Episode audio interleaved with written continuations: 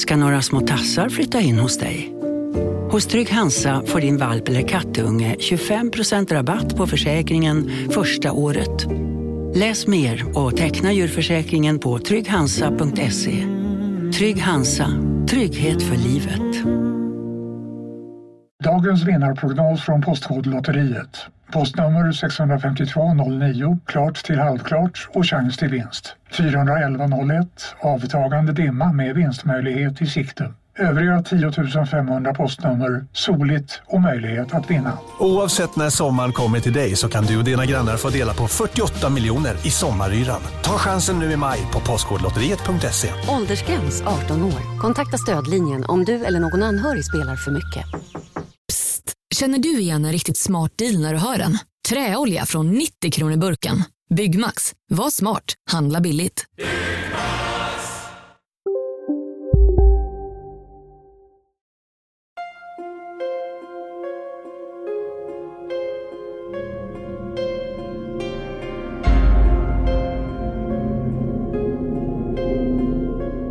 Det är jag som är Fredrik. Och det är jag som är Oskar. Och det är, Och det är vi, vi som är Spökpod- Spökpodden. Vi får aldrig till det där Fredrik Leijner. Nej, det, det är, det är våra nya, ny, vårat nya inspel här. Vi har övat på det i några avsnitt här nu men det, det Ja. vi, vi får en sån här temakväll. Ja, jag tror det. Eh, du, jag. du Ja. glömde ju säga att du säger välkommen till Spökpodden. glömde du som jag säga. Ja, precis. Jag var så himla koncentrerad på att jag skulle komma ihåg att säga det efter nu. Du vet, Mm. det, Ja, men så är det. Det är mycket. Det, Det är det är mycket. mycket nu ja, eller hur?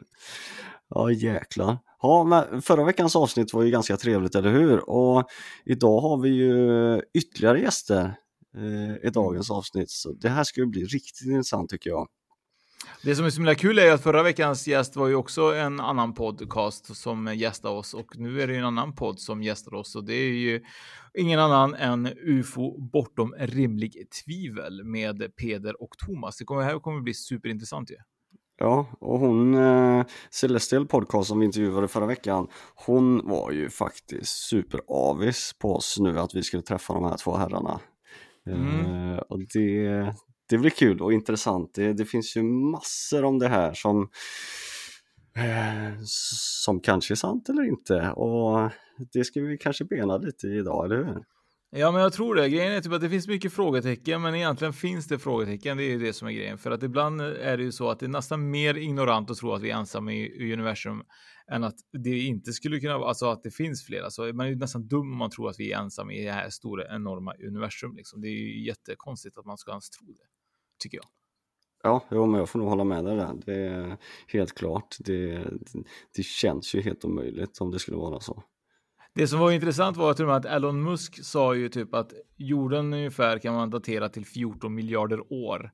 Eh, och eh, livet på jorden började cirka för 4 miljarder år sedan. Eh, och vi har då existerat i, alltså evolutionen började då. Och nu är vi här där vi är idag. Och den här luckan och det här fönstret som, som existerar för att vi ska leva är ju ganska liten om man tänker på att det har gått så många miljarder år. Eh, Så man måste ju verkligen ta vara på det här och frågan är om det är så att den här luckan att ha eh, skapat en människa eller skapat en planet som är fungerande vatten kanske eller andra element som eh, undrar om hur många sådana som kanske är före oss i tiden och det är väl lite det som vi måste ta reda på med UFO bortom rimligt tviv- tvivel. De Ja, kanske har lite svar på det. Ja, det kan ju faktiskt hända så att vi är utplanterade här från eh, en annan civilisation. Vem vet? Mm. Det blir Mm. superspännande det här. Eh, för er som eh, vill följa Spökpodden gör ju detta på sociala medier under spökpodden.se och eh, vi är supertacksamma att man ger oss betyg på podcaster också så att man inte eh, missar att se till att fler kan se och höra oss eh, när vi spelar in sådana här avsnitt i framtiden. Så det är väldigt viktigt att vi får er hjälp för att kunna också växa. Eh, jag tycker vi bjuder in Peder och Thomas. Det gör vi. Välkommen Peder och Thomas. Tackar. Tack så mycket. Tackar. Härligt att ha er här. Ja, Vad, trevligt att vara här. ja, bara för att börja ner, vilka är ni? Kan ni bara berätta lite kort om, om er själva? Peder Om. Peder börjar då. Om jag börjar då. Ja. ja, jag är, vad är jag? Jag är en IT-tekniker har jag väl varit i i hela mitt liv, mer eller mindre. Och varit intresserad av det här ämnet väldigt länge, ända sedan jag var liten. Då. Eh, så har det väl gått i, i vågor. Det beror på vad det har hänt för nyheter och lite sånt. Så det är väl det som har eh, gjort att jag har hållit på länge med det här. För det, det är lite high tech och lite teknik inblandat och det, det är sånt som jag gillar. Så. Ja, IT-tekniker, man hör nästan det på någon. Precis, ja. så, och det, det gör att jag gillar den, den tekniska aspekten lite då, och då framförallt vill jag ta reda på hur det funkar och tekniken bakom. Då. Mm. Var det någon speciell händelse när du var yngre då som gjorde att, att du eh, fick det här intresset? Eller? Ja, jag har väl alltid varit intresserad av vetenskap och forskning. Eh, och sen kom jag när jag var liten så gick jag till biblioteket i skolan. Så blev jag så besviken över vad lite man egentligen visste. Så jag hade föreställt mig att man kunde så mycket mer. Så, ja. så det var väl egentligen där det började. Att det måste finnas mer än det här tänkte jag. Ja, eller hur? Men när man tror på sånt här, eh, Peder, om mm. att det mm. måste finnas mer av, om sånt här, eh, mer än det här. Är det, tror du att det är bara ufon eller tror du också på att det finns något annat mer andligt och spirituellt och, och sådana energier? Eller? Ja, det är lite... Det är så svårt att ta på egentligen. Och är det då kanske om vi då tar in multiversumteorier. Är det då energier är, eller är det egentligen kanske entiteter från andra universum? Kan, kan vi färdas mellan universum i sådana fall? Det är väl kanske mer sån filosofi man går in i lite djupare, absolut. Men sen tillkommer det kanske den aspekten med telepati. Är det någonting som kanske finns hos oss? Är det något som finns? Eller är det som de brukar säga att eh, tillräckligt avancerad teknologi uppfattas som magi? Är det så vi tolkar det? Liksom? Fast det egentligen är otroligt avancerad teknik istället. Så det, eh, ju mer frågor man får, desto mer frågor har man. Liksom. Så det, det tar aldrig slut. Nej, det är väl så. Mm. Sen har vi med oss kriminalinspektören Thomas. Ja, stämmer. Och han sitter i skuggan där, ser du Han eh, gömmer sig nästan i det här. Man ser ju knappt hur han ser ut, men han är en siluett. ja, visst. Jag har varit spanare ett tag också, så eh, det är därför. Ja. Nej, nej, Spanar man mycket efter ufo när du är ute på jobb också? Kollar du mycket upp då, så du missar brotten nere på jorden? Uh, nej, det har aldrig hänt kan jag säga, för att um, det här intresset är bara ett par år gammalt och jag har inte varit spanare uh, då. Så att, nej, det har inte hänt. Uh, jag har inte heller sett någonting. Ehm, det är inte därför, utan varför jag är intresserad av ufon är på grund av att jag helt plötsligt uh, gick upp för mig hur mycket bra bevis det finns för vissa fall. I mitt fall var det Nimitz-fallet som, som gjorde det. Att ehm, det är ganska väl bevisat att det är på riktigt. Eh, innan dess hade jag inte tagit det på allvar. Men eh, eh så drabbades jag av en eh, cancertumör för några år sedan så jag varit sjukskriven och eh, hittade lite olika intressen i ehm, ja, religionskritik. Jag var medlem i Humanisterna ett tag i några år och, och så läste lite filosofi och idéhistoria. Och, läste lite om konspirationsteorier som fenomen, vad det är som vad det finns för olika konspirationsteorier och så och läsa vad det finns för mekanismer bakom eh, den typen av tänkande. Och sen stötte jag på ufo-fenomenet så då kände jag mig ganska bra rustad för att ta mig fram till att kunna säga att det är, det är på riktigt. Eh, det, ufo är, på, det är fakta, liksom. det, det är bevisat bortom rimligt tvivel. Mm. Du pratade om någonting där innan precis, där du sa de här mimik, eller du sa de här ljusen. Vad, vad är det för något?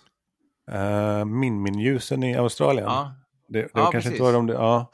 Um, de är rätt häftiga alltså, uh, Min-Min-ljusen. Det är ett ljusfenomen i nordöstra Australien som, um, ja, man vet inte vad det är. Det finns olika teorier. Det finns en forskare som har gett en teori till en förklaring. Men eh, eh, beroende på vem du frågar så, och de här ljusen har funnits långt innan det finns, eh, fanns civilisation där uppe. Eh, så att förklara med billjus håller inte riktigt för att eh, det här är, de här ljusen som folk ser ibland långt borta, ibland ganska nära och som är väldigt eh, nyckfulla. Du kommer liksom, folk kan inte riktigt ta sig fram till dem och, och det är oklart vart de, eh, hur långt bort de är och sådär. Eh, men det finns ingen bra förklaring för de där ljusen, men det är väl, väl konstaterat att de finns. Det finns till och med på film. Så. Hur är det med de här ljusen? Är det alltid typ en speciell formation eller är det en speciell färg eller är det alltid samma slags? Eh... Nej, um, jag vet inte om det har setts på olika sätt, men två runda eh, vita ljus är väl det vanliga tror jag, eller ett eller flera. Uh, I uh, ovanför markhöjd, men in, inte uppe i himlen. Uh. Mm. Det finns ju något som heter matte på ljusen också men, på Gotland, men de är väl lite mer osäkra. Vad, vad sa du, vilka är det då? Eller vad är det för något då? Matteboljusen på Gotland. Um, ja, det är lite oklart. Den vågar inte jag svära på att det är ett riktigt fenomen. Jag har inte studerat det så noga. Men Minmin-ljusen är, det är ett riktigt fenomen i alla fall. Mm. Jag tycker det är superintressant med det här med Australien, förlåt Fredrik, men det brukar vara, jag kollar på The Phenomenon, eh, ni känner säkert till den dokumentären, Eh, och där pratas man ju ändå rätt mycket om just Australien som eh, en, eh, en del i alla fall i det avsnittet jag såg. Är det väldigt vanligt just att Australien och just Sydamerika brukar ju vara de länderna eller de världsdelarna som man pratar väldigt mycket om ufon? Är det mer vanligt i de världsdelarna?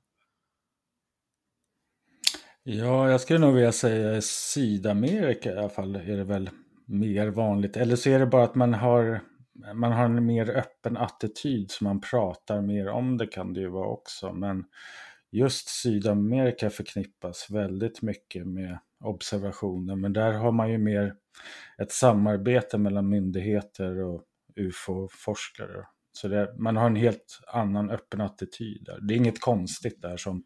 Här har man kanske sopat under mattan eller förlöjligat under många år medan där har det varit helt naturligt på ett annat sätt.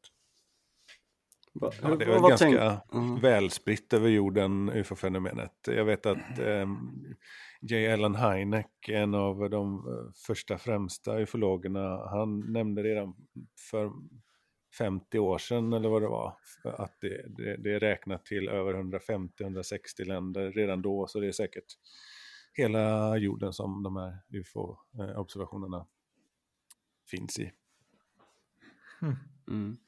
Har ni sett någon tendens nu på senare år just det här med, nu, nu kom det ju någon eh, dokumentär här för eh, eh Eh, i början på året på SVT1 eh, om de här dokumenterna som släpptes 2021 eh, bland annat. Och, men jag tänker mer det här att pratar man mer om UFOs idag än vad man gjorde för sig en ja, 15-20 år sedan tillbaka. För man jämför då med det som, vi pratade lite om det andliga och det okulta i våran podd också. Och där är det en jätteskillnad. Idag är det ju, ska inte säga att det går trend i det, men om man ser till, tillbaka nu eh, sista åren och haft corona det här att folk har umgåtts mer med sig själva och man försöker hitta en mening med saker och ting. Så att för våran del så har vi märkt att folk är betydligt mer intresserade idag utav det vi pratar om. Eh, finns det någon parallell till det i ufo-världen också eller något? Ja, det skulle man väl kunna säga typ. Det, Eh, jag som har tittat på det här typ sedan jag var liten har väl det jag kan säga som var en tydlig markant förändring. Det var när New York Times släppte sin artikel 2017. Det förändrade egentligen allt. När, det, när de visade på att Pentagon faktiskt har ett hemligt, eller hade ett hemligt ufo-program som faktiskt tittade på de här farkosterna och som dessutom hade video som bekräftades av piloter och radar. Då, då blev det en helt, helt ny nivå på det hela. Och, men det är ju framförallt i USA man har sett förändringen. Där har ju skett en enorm förändring hos politiker framförallt. Då, då eh, som man aldrig har sett egentligen förut. Men... Får, kan vi fråga er i Sverige, har ni sett någon förändring i, i Sverige om hur mycket det pratas om ufon?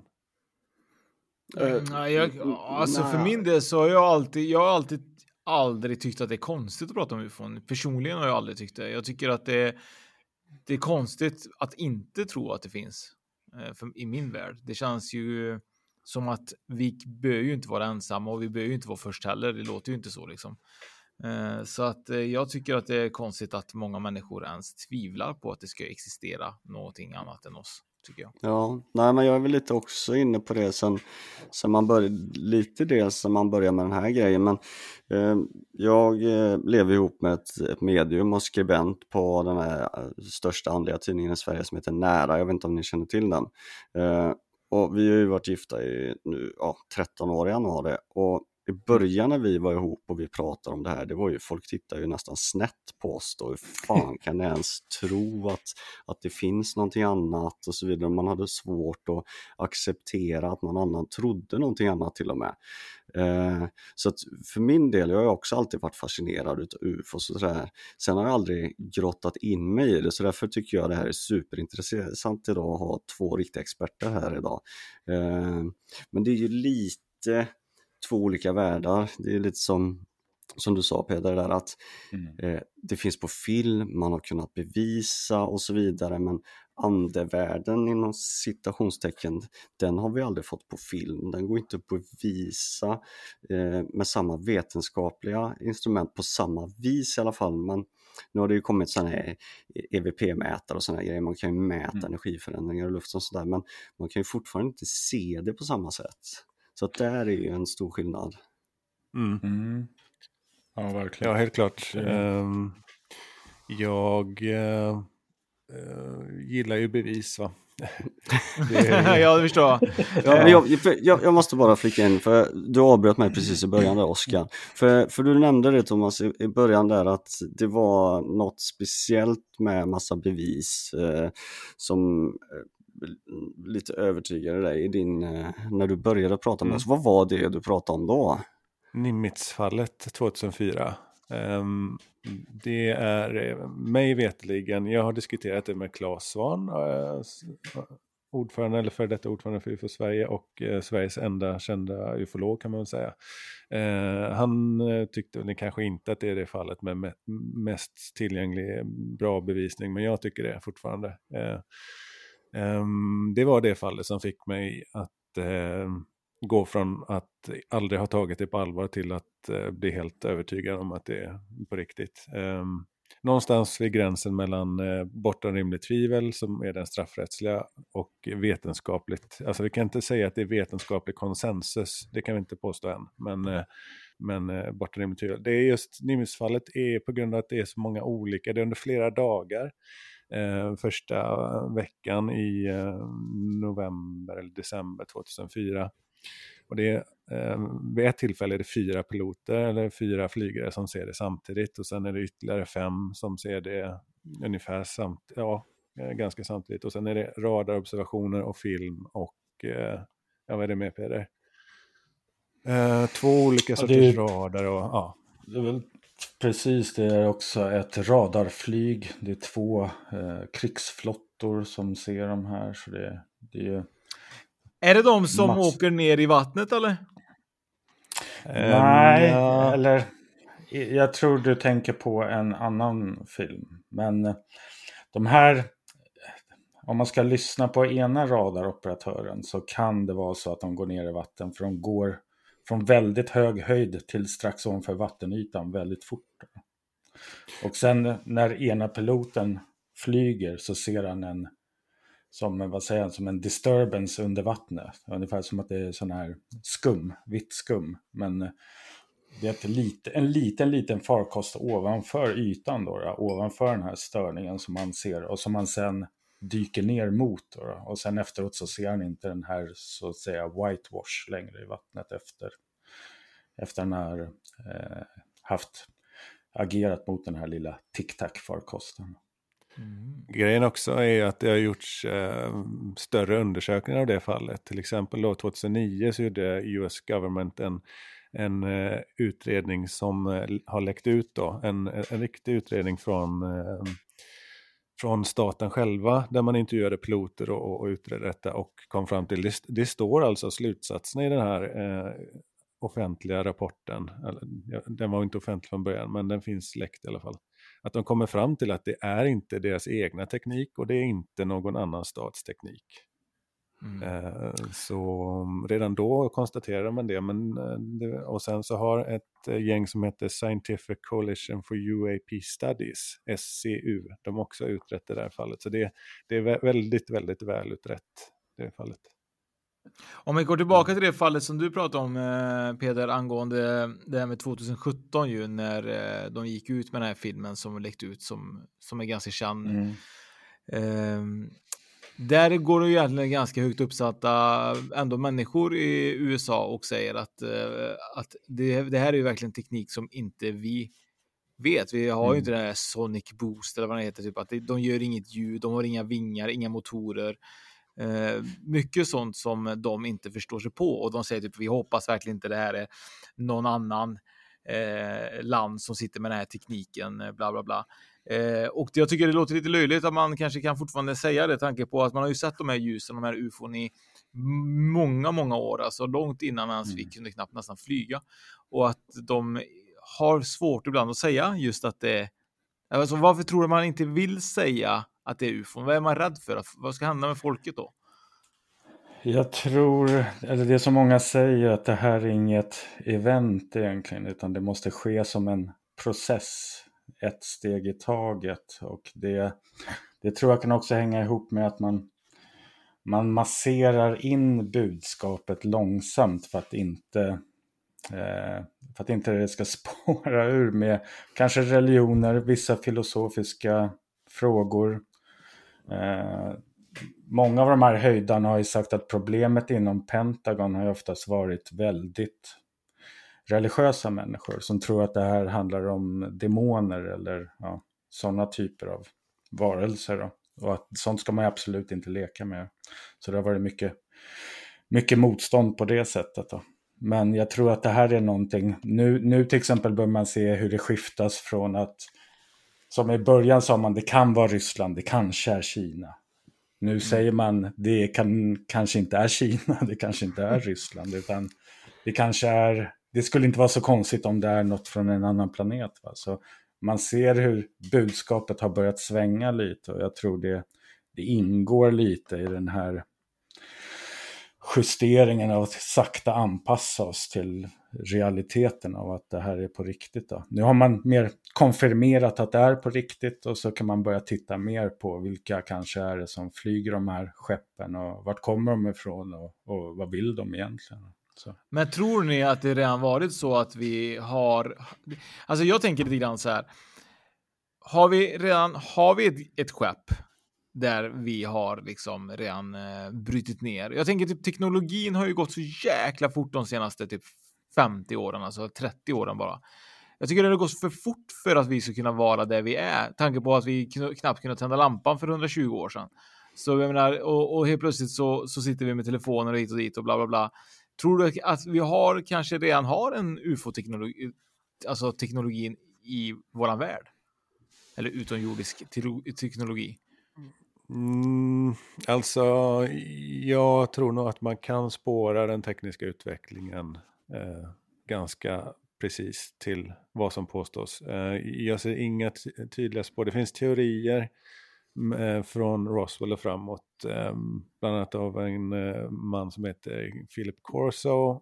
Och sen är det lite, bråkas det lite om om det var verkligen hans uppgifter som hamnade i den där boken eh, Day After Roswell. Men eh, nej, det, det ehm, jag, jag, har inte sett några tydliga sådana spår att det finns eh, eh, någon sån eh, teknik som är, kommer från ufo-krascher. Men däremot så tycker jag att eh, det är konstigt att folk har släppt frågan om Roswell så pass lätt som eh, när man, när man eh, detaljstuderar det fallet och ser på alla eh, uppgifter som finns. Och massa människor som svär på sin dödsbädd att det, var någonting annat eh, än en eh, ballong som störtade. Så ja, det är, det där som Barack Obama säger att jag kan inte berätta vad det är, men det är väldigt, väldigt intressant?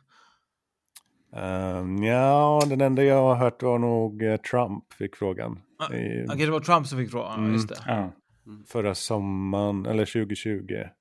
Sommaren 2020 var han, fick han en, en Mm. fråga av sin son där han eh, sa att han hade fått väldigt intressanta uppgifter om Roswell. Men jag är inte säker på att han, eh, han kan mycket väl blanda ihop eh, Area 51 och Roswell när man lyssnar på den intervjun. Eh, så det är lite oklart vad han pratar om där faktiskt. Mm. Och för de som inte är så insatta som ni är då, vad, vad hände vid Roswell? Vad är detta för någonting? För om jag tänker på våra lyssnare då, så de, de är ju inga eh, ufo-fantaster i den bemärkelsen, Mm. så om ni kan utveckla det lite. Ja, alltså, den korta versionen är att eh, eh, första dagarna i juli 47 så eh, hittade en eh, fårranchare, en cowboy i New Mexico, norr om Roswell, då, eh, på en ranch, något material som man inte hade sett förut eh, och förstod inte vad det var. Då ska sägas att den här mannen hade hittat väderballonger eh, vid flera tillfällen innan dess. Men han visste, förstod inte vad det var för något och sen åkte han till Roswell, till sheriffen ehm, och ehm, berättade vad han hittat och så skickade de dit, ringde till Roswell Army Airfield, alltså flygvapenbasen där i Roswell som var världens första eh, kärnvapenbestyckade flygbas. Det fanns bara, det fanns bara en flygbas i världen som hade kärnvapen och det var den i Roswell. Så de skickade ut eh, personer till att titta på den där och eh, en av personerna som skickades ut var eh, underrättelseofficer och han tyckte det var så märkligt eh, så han tog med sig det där eh, konstiga, eh, han såg ju ända tills han dog på att det här materialet var någonting väl, något out of this world sa han. Han visade upp det för sin son på vägen eh, tillbaka för han tyckte det var så märkligt så åkte han hem mitt i natten och visade det där för sin son. Och mycket om och men så, så um, gav, gav man ut ett eh, pressmeddelande att nu har det störtat ett flygande tefat och um, tidningarna och radiokanalerna publicerade det um, eh, pressmeddelandet som kom från flygvapenbasen efter att deras officerare kommit tillbaka med materialet. Eh, men sen eh, den 8 juli så tog man tillbaka alltihopa. Man, eh, på en halv dag så ändrade man sig. Det gick flyg till Washington och till olika ställen och sen så tog man tillbaka allting och hotade radiokanalerna att de inte fick sända om det där mer. Annars skulle de dras in tillståndet. Och sen dess så är det jävligt oklart. Det påstås att det är en väderballong eller någon slags, någon slags väderballong men ja, vi får se.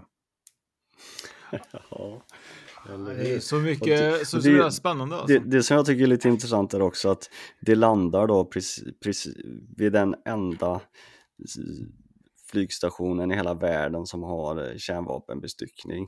Eh, Bara en sån sak väcker ju tankar om att eh, ja, det kanske inte bara var en väderballong. Det, det, det, finns, det där kan man prata om i timmar, men det finns väldigt många sådana indicier på att det var någonting annat som hände. Väldigt, väldigt mycket. Men eh, ja, det kan man Finns det inte i- också typ så här, in, alltså om när vi pratar just med lite kärnvapen och lite sånt, finns det väl också någon, eh, någon annan, eh, ett annat fall där kärnvapnen stängdes väl ner och de fick gå ut och säga att det var någon som hade, var någon strömavbrott, jag vet inte vad det var, men det var väl fenomen i himlen samtidigt eller något sånt där va? Eller vad? Känner ni till det? Ja, det har varit ganska många fall där man har sett objekt eller farkoster på himlen eller ljusfenomen i närheten av kärnvapenmissiler eller kärnvapenbestyckade skepp till exempel. Och det finns flera fall. Nu senast var det väl bara någon månad sedan eller två tror jag som gamla eh, armébasofficerare som har då jobbat på kärnvapenbaser vittnar om när farkoster har kommit och avaktiverat kärnvapenmissiler och sen slagit på dem igen. Då. Och det har inte hänt bara en gång utan de, det här har hänt många gånger. Då. Så det, det, det finns en tydlig koppling, säger de, mellan kärnvapen och de här fenomenen. Tror du att det handlar om att de eh, vill? Jag får bara säga, det är inte särskilt omstritt. Om man jämför med Roswell så är det ju väldigt eh, omstritt. Eh, det, men, men i eh, de här fallen som Malmström Air Force Base eh, 67 i, i, USA, som är ett av de mer kända, där tio missiler stängdes ner i samband med att ett UFO observerades ovanför basen. Det finns ju dokumentation på det och um, det finns inte så mycket dementi eller motstridigheter där faktiskt. Det, det är ganska anmärkningsvärt att det, det är ingen som hävdar att de här männen och dokumenten ljuger eller att det är påhitt eller någonting. Mm. Samma sak som 1980 så inträffade det en incident på en amerikansk bas i England som heter Rendlesham. Incidenten kallas för det. Och där hade de också kärnvapen men där var det ett antal militärer som bevittnade de här objekten som även sköt ner strålar i de här kärnvapen där missilerna sägs ha legat. Då. Och han har då spelat in hela händelsen på sin eh, bandspelare med sina soldater när han är ute. Så det här finns ju att lyssna på också. I, mm. Så hör man hur de pratar med varandra precis när det här sker. Så det, det finns ganska många incidenter med dokument och så vidare som Thomas säger och även då inspelat material. Är det så tror du att de försöker liksom trycka på typ det här ska inte ni hålla på med? Ja, det är, ja, det är så amerikanska... Mycket spekulation.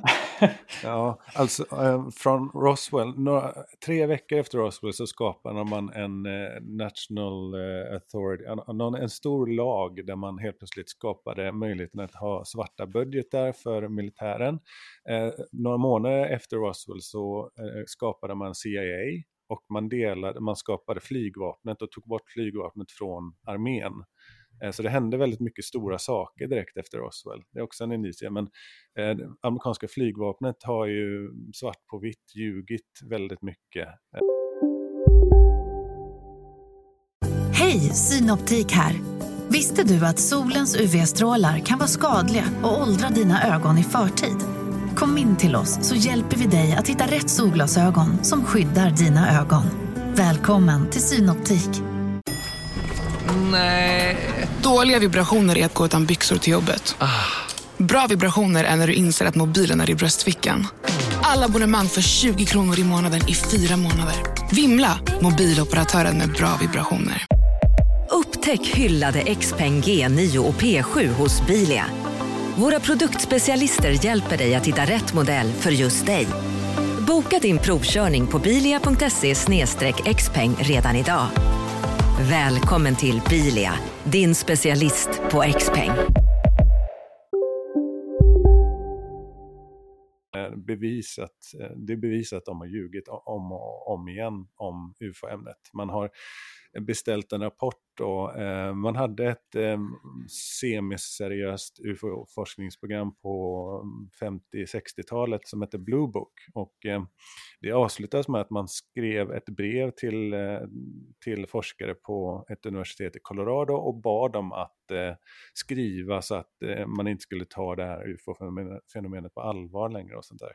Eh, och de har ljugit med statistik och massa saker och det vet vi. Eh, så amerikanska flygvapnet är, de har definitivt eh, dolt saker på det här ämnet.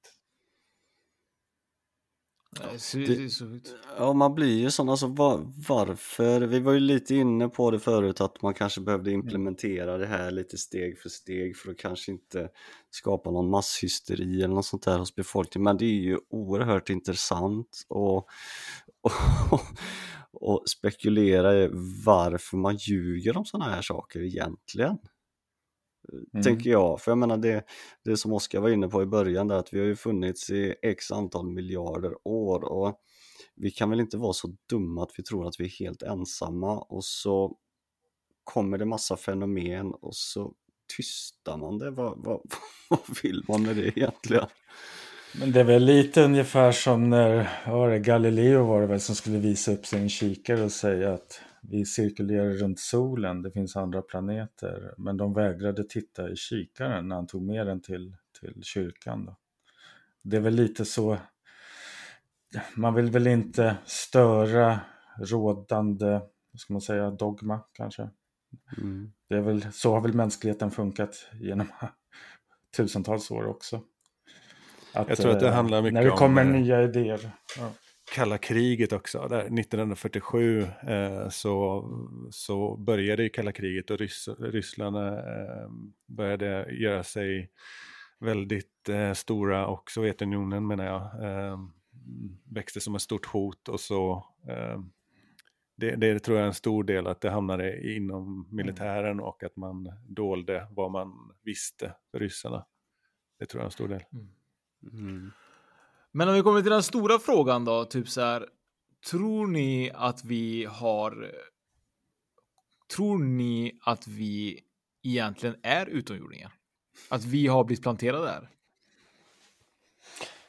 Eh, det är en stor fråga. Eh... Mm. Det är en jättestor fråga. det, det, finns ju som sagt, vi gillar ju bevis och det finns ju ingenting att ta på som vi vet i alla fall ändå. Då. Men, men jag ser det absolut inte som en omöjlighet och jag överväger att det kan vara så personligen, alltså min egna uppfattning. Eh, absolut tror jag att det kan vara så. Jag tänker det... lite grann så här, vi säger att vi kommer från aporna, men hur kommer det sig att aporna i dagens läge aldrig utvecklas liksom? Varför kommer det sig att de aldrig mm. blir smartare? Jag tycker det är så konstigt att vissa primater, de har ju då vi då har utvecklats, men vi har ju fortfarande primater i världen som aldrig blir smartare, så jag förstår inte riktigt. Eh, jag förstår inte riktigt hur det är möjligt.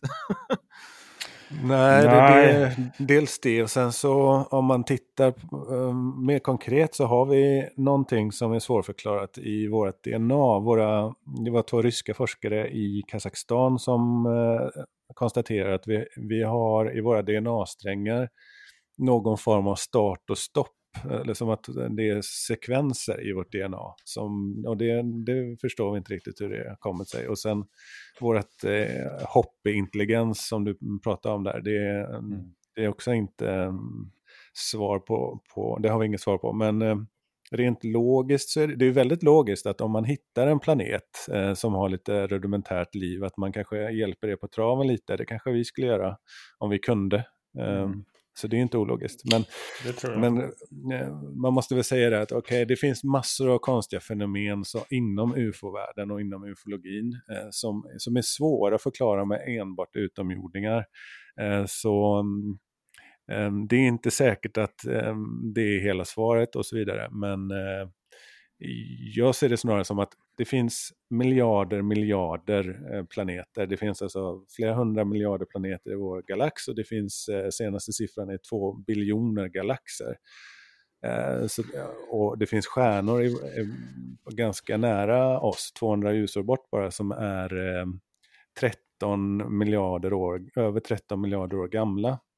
Som då alltså planeter kan ha mer än 10 miljarder års försprång. Så det ska mm. mycket till. Egentligen borde man titta på, på stjärnhimlen och tänka, ah, vad fan är det ingen som ser några konstiga farkoster från andra planeter?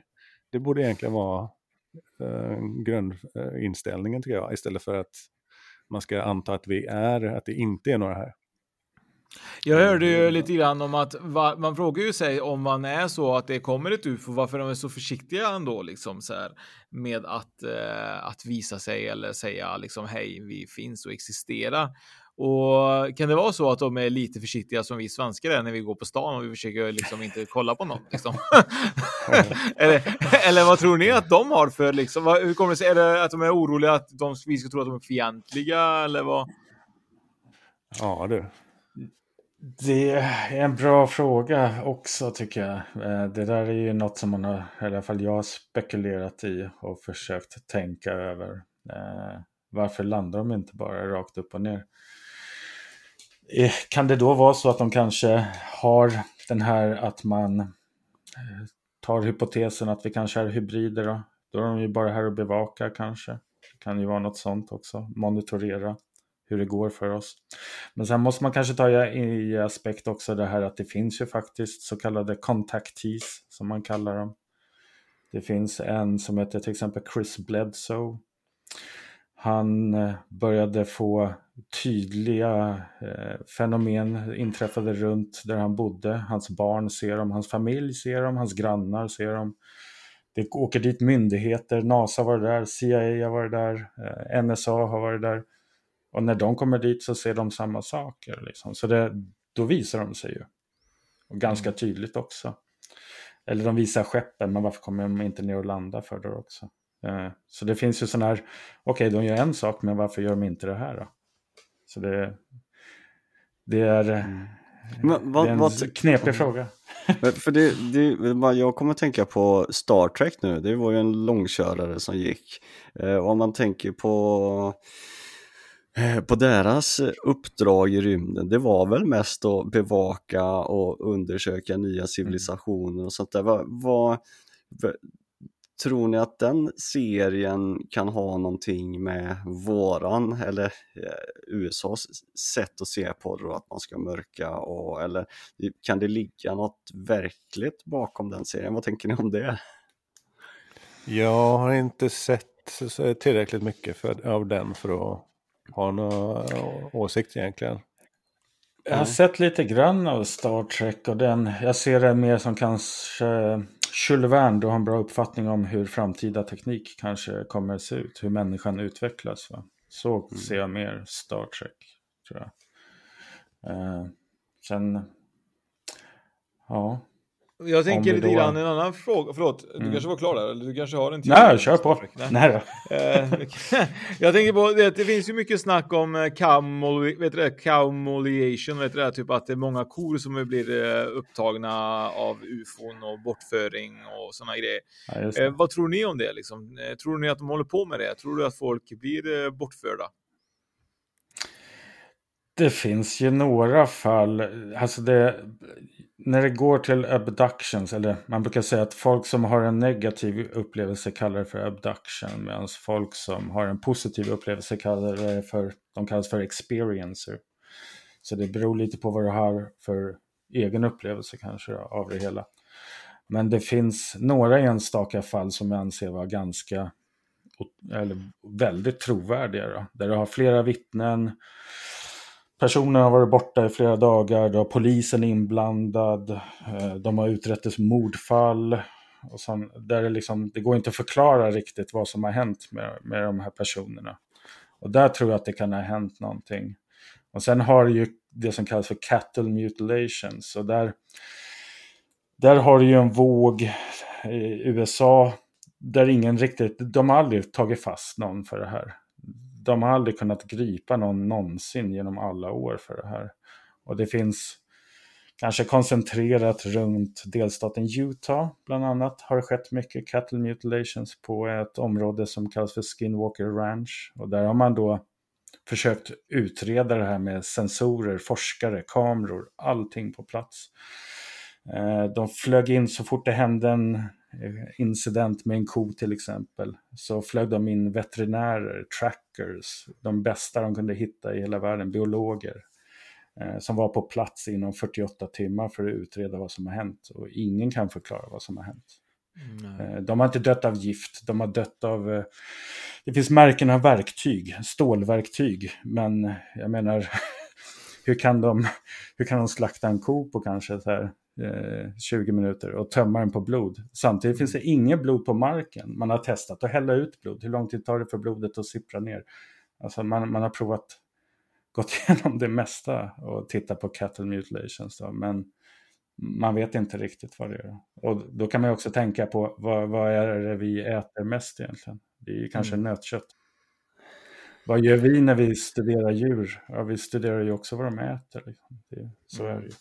Men vi pratar om Skinwalker Ranch. Det köptes ju av någon som var superrik för han var ju också superintresserad av det som hände på Skinwalker Ranch. Eh, det är ju lite blandade mm. alltså, teorier om Skinwalker Ranch. Ett är ju väl också att det är väl lite om skinwalkers eller vad de kallas. Det är väl eh, någon indiansk eh, gammal ja, legend. legend ja. Och sen mm. är det också väldigt mycket ljusfenomen ju kring Skinwalker Ranch. Vad tror ni själva? Har ni någon teori om det? Eller vad, vad tror ni om det? Ja, eh, just uh, Skinwalker Ranch är... Jag vågar sträcka mig till att uh, hävda att det händer massor av konstiga saker som borde undersökas så gott det går med vetenskapliga metoder eller med bästa förmåga. Um, men uh, någon teori om vad som ligger bakom det där, det um, det har jag faktiskt inte. Ingen bra i alla fall. Eh, samma med cattle mutilations. Jag har inget konkret... Eh, en, en vacker dag ska jag sätta mig in i något bra fall om, eh, om eh, ko... Eh, sådana här cattle mutilations av kossor. De är ju tiotusentals fall. Många av dem kan förklaras. Vissa av dem är väldigt svårförklarade. Det är allt jag... Eh, där står jag just nu. Men det kanske finns något bra fall jag ska sätta eh, intresset till någon gång. Men Skinwalker Ranch, där har det ju varit seriösa forskare och försökt eh, undersöka vad som händer och eh, det verkar smått obegripligt alltså. Mm. Och sen eh, Skinwalker Ranch var ju egentligen grunden till det första hemliga UFO-programmet, OSAP, som sen ombildades till det här A-tip då, som sen blev offentligt 2017. Mm. Och det bildades på grund av att personer från amerikanska staten besökte den här ranchen hos eh, Robert Bigelow som ägde den då. Han sålde den sen för några år sedan.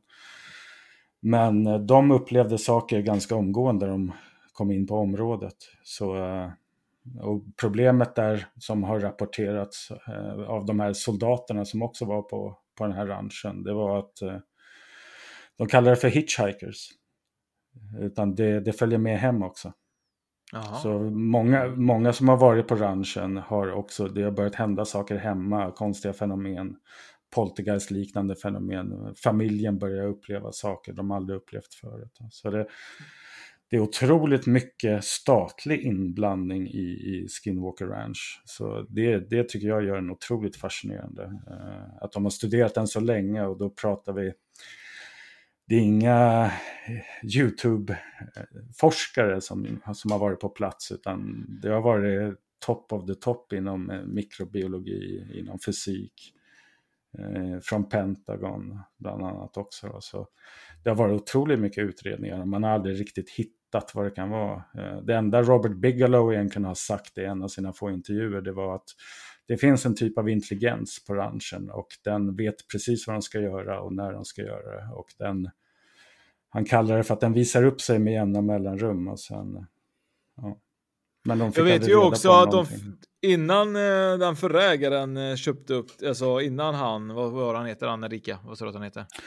Eh, Robert Bigelow var det som köpte den här familjen av en familj. Ja, precis. Och familjen när de flyttade in där vet jag också att de hade, det var ju massa lås och grejer på alla skåp och dörrar var låsta. In, alltså det var ju väldigt mycket så skumma saker i, redan i huset eller den här herrgården. Du kunde låsa alla hus inifrån. Eh, det var hakar utifrån på alla skåpsdörrar så att de inte skulle ja. öppnas utåt och sådär. Men den familjen har egentligen, den, alltså, när Gormans som de kallar familjen som bodde där innan Bigelow köpte det. Det är från när de flyttade in i huset, från det äldre paret som bodde där innan. Och de har egentligen aldrig sagt, de sa ju också att du får aldrig gräva på marken till exempel. Mm. Det ingick i köpavtalet.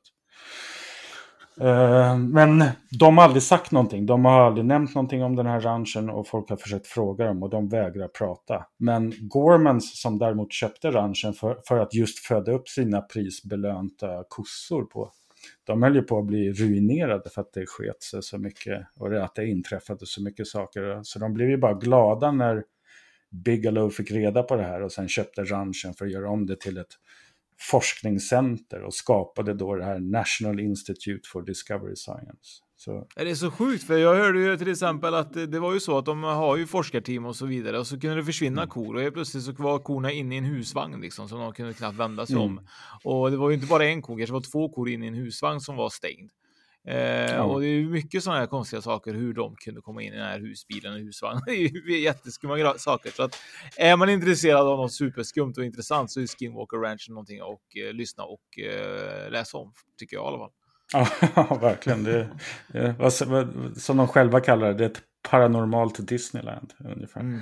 Det är super, super spännande ju. Eh, eran podd då, vad är, det man får, eh, vad är det man får höra lite grann där? Eh, förutom det vi pratar idag? Är det, mer, är det mycket mer djupgående i vissa ämnen eller tankar och teorier från er själva? Eller? Ja, vi försöker. Vi har gjort eh, ett eh, avsnitt om Nimitz-incidenten till exempel, där vi eh, redogör så gott det går på ett avsnitt om bevisen för det fallet. Så vi tar något enstaka fall här och där, men framförallt så kanske vi följer utvecklingen just nu i USA, för det är ändå Ehm, det händer ju saker, ufo-fenomen över hela världen, men eh, det är ändå USA som styr agendan väldigt tydligt. Eh, av många orsaker, deras historik och deras resurser och, och så vidare. Um, så vi försöker väl mycket hänga med där, vad som den här processen som vi då menar har påbörjats nu. Eh, till exempel då så eh, förra veckan så satt ju deras direktör för underrättelsetjänsterna, eh, en aktiv DNI som det heter, hon eh, var på en eh, konferens som sändes live där hon pratar öppet om eh, ET Extraterrestrials och rymden och, och så vidare. Eh, och det här är, eh, de flesta förstår sig på det, eller insatta, eh, hävdar det att det här är en process och om man följer huvudpersonen då kan man nog säga är Louise Elizondo som var chef för det här UFO-forskningsprogrammet. Och han, om man följer vad han säger i media så säger han ju mer och mer eh, kontroversiella eller häpnadsväckande saker. Bland annat nu så har han ju nämnt faktiskt att eh, vårt DNA eh, kan vara intressant att titta på och, och vårt ursprung och så vidare. Eh, så det där, det där är en um, process som har påbörjats och vi försöker följa den uh, väldigt mycket. Mm, kul ju. Så att det får man absolut inte missa. Fredrik, jag tänker lite grann så jag har två frågor som jag vill ha svar på av de här UFO-experterna. Eller de kanske inte sitter med svaren, men de kan i alla fall sitta med vad de tror och tänker i alla fall och jag tror att det är flera som tänker på den här frågan. Har pyramiderna skapats av hjälp av ufon? Jag tror inte det, men däremot finns det eh, det finns lite teorier och vissa spår som tyder på att vi kanske inte var den första civilisationen här på plats som kunde gå ganska långt. Tittar vi på till exempel Göbekli Tepe utgrävningarna där, då har vi alltså städer med megaliter som är bevisat 13 000 år gamla. Bara det hänger ju inte ihop riktigt. Mm. Så jag tror att det finns en glapp kanske i människans historia som vi har missat lite på grund av att det mesta har försvunnit. Men jag tror att många megaliter kan komma från en tidigare civilisation. Det, kan det, det vara så då minst... att vi har levt en gång tidigare och utrotats och börjat om och leva igen? Eller så kanske vi var en annan typ av ras som bara tog över när någon annan försvann. Precis som många, som dinosaurier, som däggdjur i övrigt när vi utvecklas. Men kan det inte kan vara... uf ufona vara vi från framtiden? Det finns ju mycket spekulation om det också. Eh, till exempel tittar du på Rendersham Forest. Ena eh, löjtnanten där, Jim Penniston, som gick fram och tog på den här farkosten. Han eh, fick ju som han sa ett mentalt meddelande från eh, att det här kanske var vi från framtiden. Då. Men ja, det är hans historia. Men det, det, är en otroligt fascinerande tanke också. Och vem är det som säger att det kanske inte är lite av varje? Det behöver inte mm. bara vara en sak. Det kan ju vara eh, vare sig kanske från andra dimensioner eller multiversum eller eh, extraterrestrials eller ja. Cryptoterrestrials, att de, eh, att de bor här dolt på jorden eh, och eh, mm ja, håller sig undan. Eh, men det där, vi får se, men jag tror att vi kommer få vissa svar. Men vi kommer inte, att, att man tror att det ska vara ett svar på alla de här konstiga fenomenen, observationerna, det, det kan man nog, det hoppas på för mycket. Men mm. Vem som byggde pyramiderna, tyvärr alltså, jag önskar jag hade något bra svar på det. Men det är ju, Okej, okay, är, du beredd på nästa alltså. fråga Thomas? Är du fråga på mm. nästa fråga? Då kan jag säga, ja. Nu ändrar jag den lite grann då. Skulle det kunna vara så? Vi vet ju att eh, USA är väldigt inflytelserika när det gäller religion och kristendom och så vidare. De är just så här, de, de finns i, i allt eh, när det gäller även beslut och så vidare bland högt uppsatta män och så vidare. Skulle det kunna vara så att Jesus var ett, en utomjording? Han hade ju ingen mamma eller pappa. Kan han vara bara född i den här, bar, i den här uh. farmen, ditsatt av ett ufo? Är det möjligt? Ja, vem vet, vem vet. Vi har inga bilder på honom, så vi vet inte hur han såg ut. Uh, nej, um, Ja, om Jesus var en utomjording, ja. Eh, ja Polstjärnorna så... var ju tydligen väldigt intressant i alla fall för, för, ja. för Jesus. då, ja, då är vi nog alla utomjordingar eh, likväl. Det är, det är nog än mer troligt i sådana fall. Um, Ja, han var nog bara en skön fridens hippie som blev lite misstolkad och spreds lite överdrifter minst sagt om honom. Men uh, han var nog en skön snubbe, det tror jag. Absolut. Ja, det är fantastiskt. För sin tid i alla fall. men, men, men, jag tycker så här, sånt där är superintressant för grejen är typ mm. så här att vi, vi, jag vet inte hur mycket som är sant av det man läser och man eh, kollar, man är superintresserad av allt sånt här. Och, Ibland eh, var det någon rysk man där som hade hittat eh, någon kolbit och i den här kolbiten så var det någon metall som, eh, som var ganska ny i tiden för våran del. Men själva kolbiten var typ tre miljoner år gammal och den hade liksom varit över den här metallen och lite sånt. Kan det vara så ibland att Tror du att det kan vara så att de här rymdskeppen kanske har fallit eh, tidigare här på jorden och så finns det ju eh, bitar lite här och var eh, under jorden kan ju vara flera miljontals år äh, som de har krossat eller lite sånt. Ja, teoretiskt är det möjligt. Um, ja, jag är mest inne på Roswell i sådana fall. Mm. Det är mm. det fallet som jag tycker är, som, som jag också tror att vi kan faktiskt eh, trots allt eh, få svar på.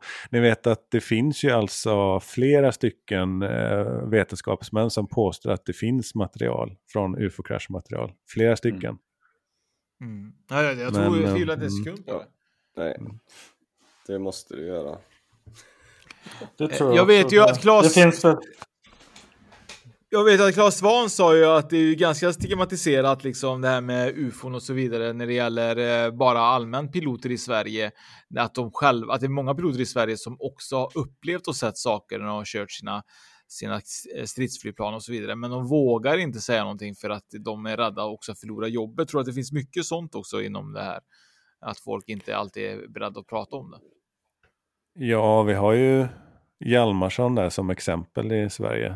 Ehm, 75-70-talet när han åkte efter ett UFO som försvann upp i rymden och eh, inte rapporterade det. Eh, utan han berättade sen då till Claes ehm, var det, ja, 20 år senare eller något sånt där. Men ehm, ja, eh, flygvapnet säger att eh, det inte ska vara så, att de eh, har inte haft några ufo-fall på 2000-talet.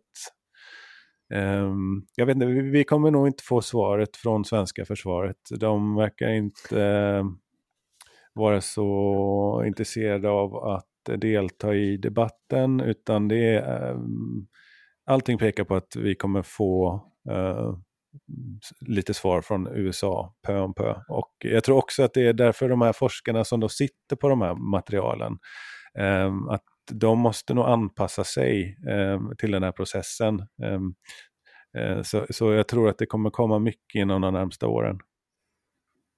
Tror du att vi kommer få uppleva ett UFO, alla människor på jorden, innan våran tid är över?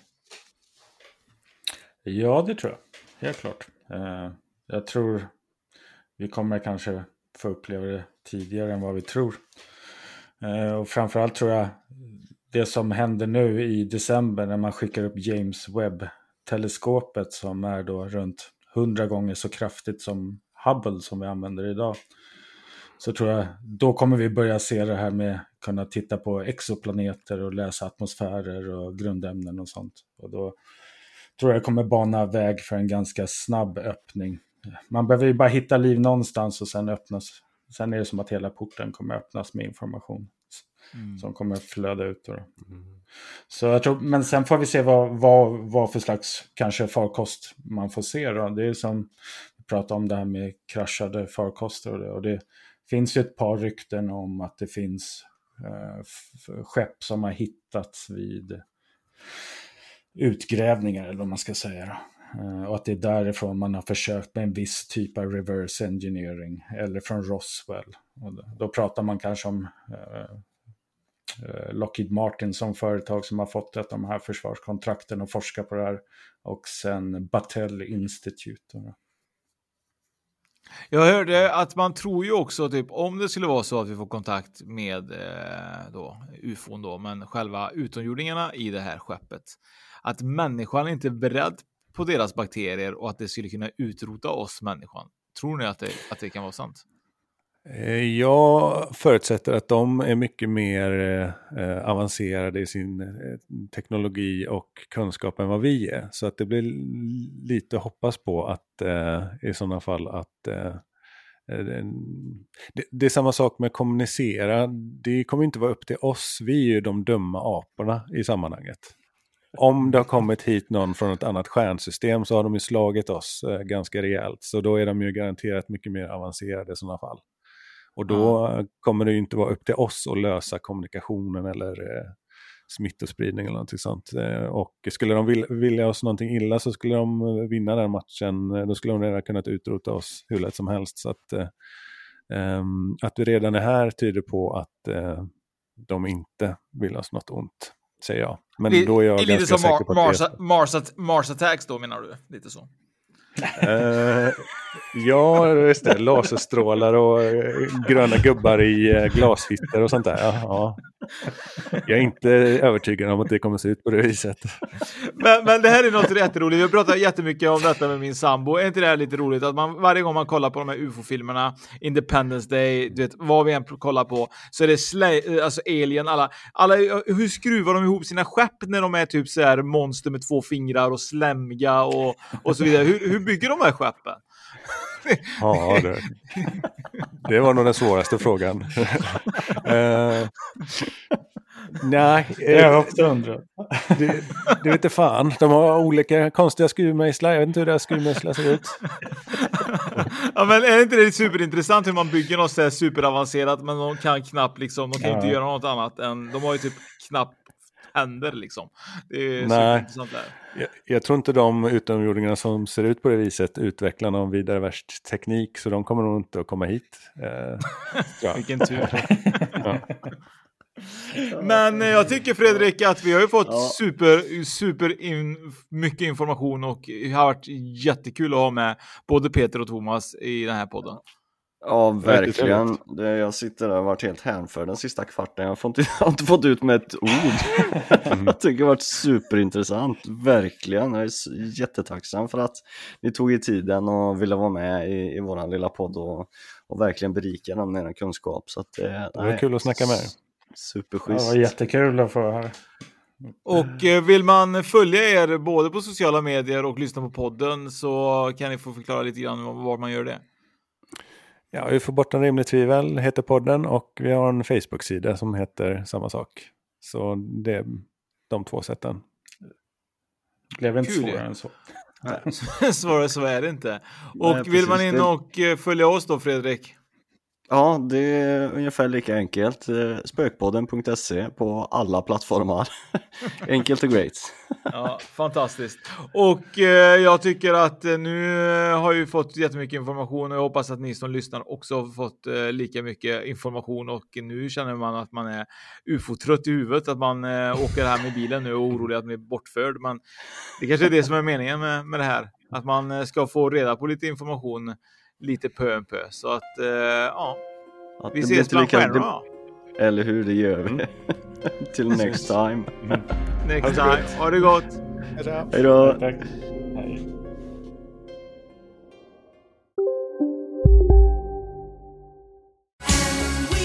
Just nu till alla hemmafixare som gillar julast låga priser.